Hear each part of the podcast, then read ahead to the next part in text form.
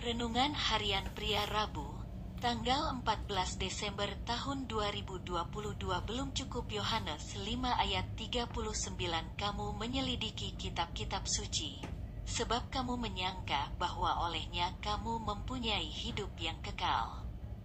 Tetapi walaupun kitab-kitab suci itu memberi kesaksian tentang aku, Yesus mengatakan bahwa para ahli-ahli Taurat menyelidiki kitab-kitab suci.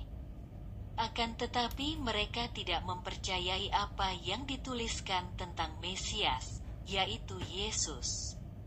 Padahal kitab-kitab suci itu memberi kesaksian tentang Yesus.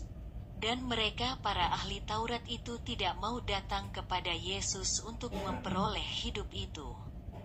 Mengapa itu dapat terjadi? Itu karena mereka hanya mau menyelidiki kitab-kitab suci saja titik dan tidak lebih dari itu. Sebuah kerugian yang sangat besar bagi para ahli Taurat dan orang-orang Yahudi pada waktu itu.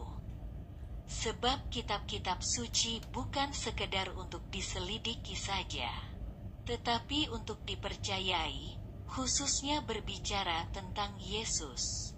Jadi kita tidak boleh hanya membaca dan mempelajari saja isi Alkitab jika kita melakukan seperti itu, maka kita tidak ada bedanya dengan para ahli Taurat. Kita harus mempercayai apa yang dikatakan atau ditulis di dalam Alkitab mengenai Yesus.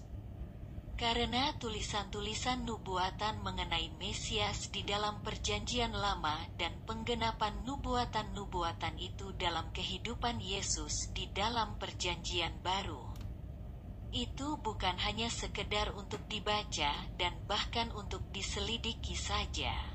Kisah itu harus kita percayai, apalagi tokoh agungnya, yaitu Yesus yang adalah Tuhan satu-satunya harus kita percayai. Jadi bacalah firman Tuhan dan percayalah apa yang Yesus katakan dalam firman-Nya. Refleksi diri, apa yang firman Tuhan katakan kepada Anda? Bagaimana kehidupan Anda dengan firman Tuhan itu? Catat komitmen Anda terhadap firman Tuhan itu. Doakan komitmen Anda itu, pengakuan iman.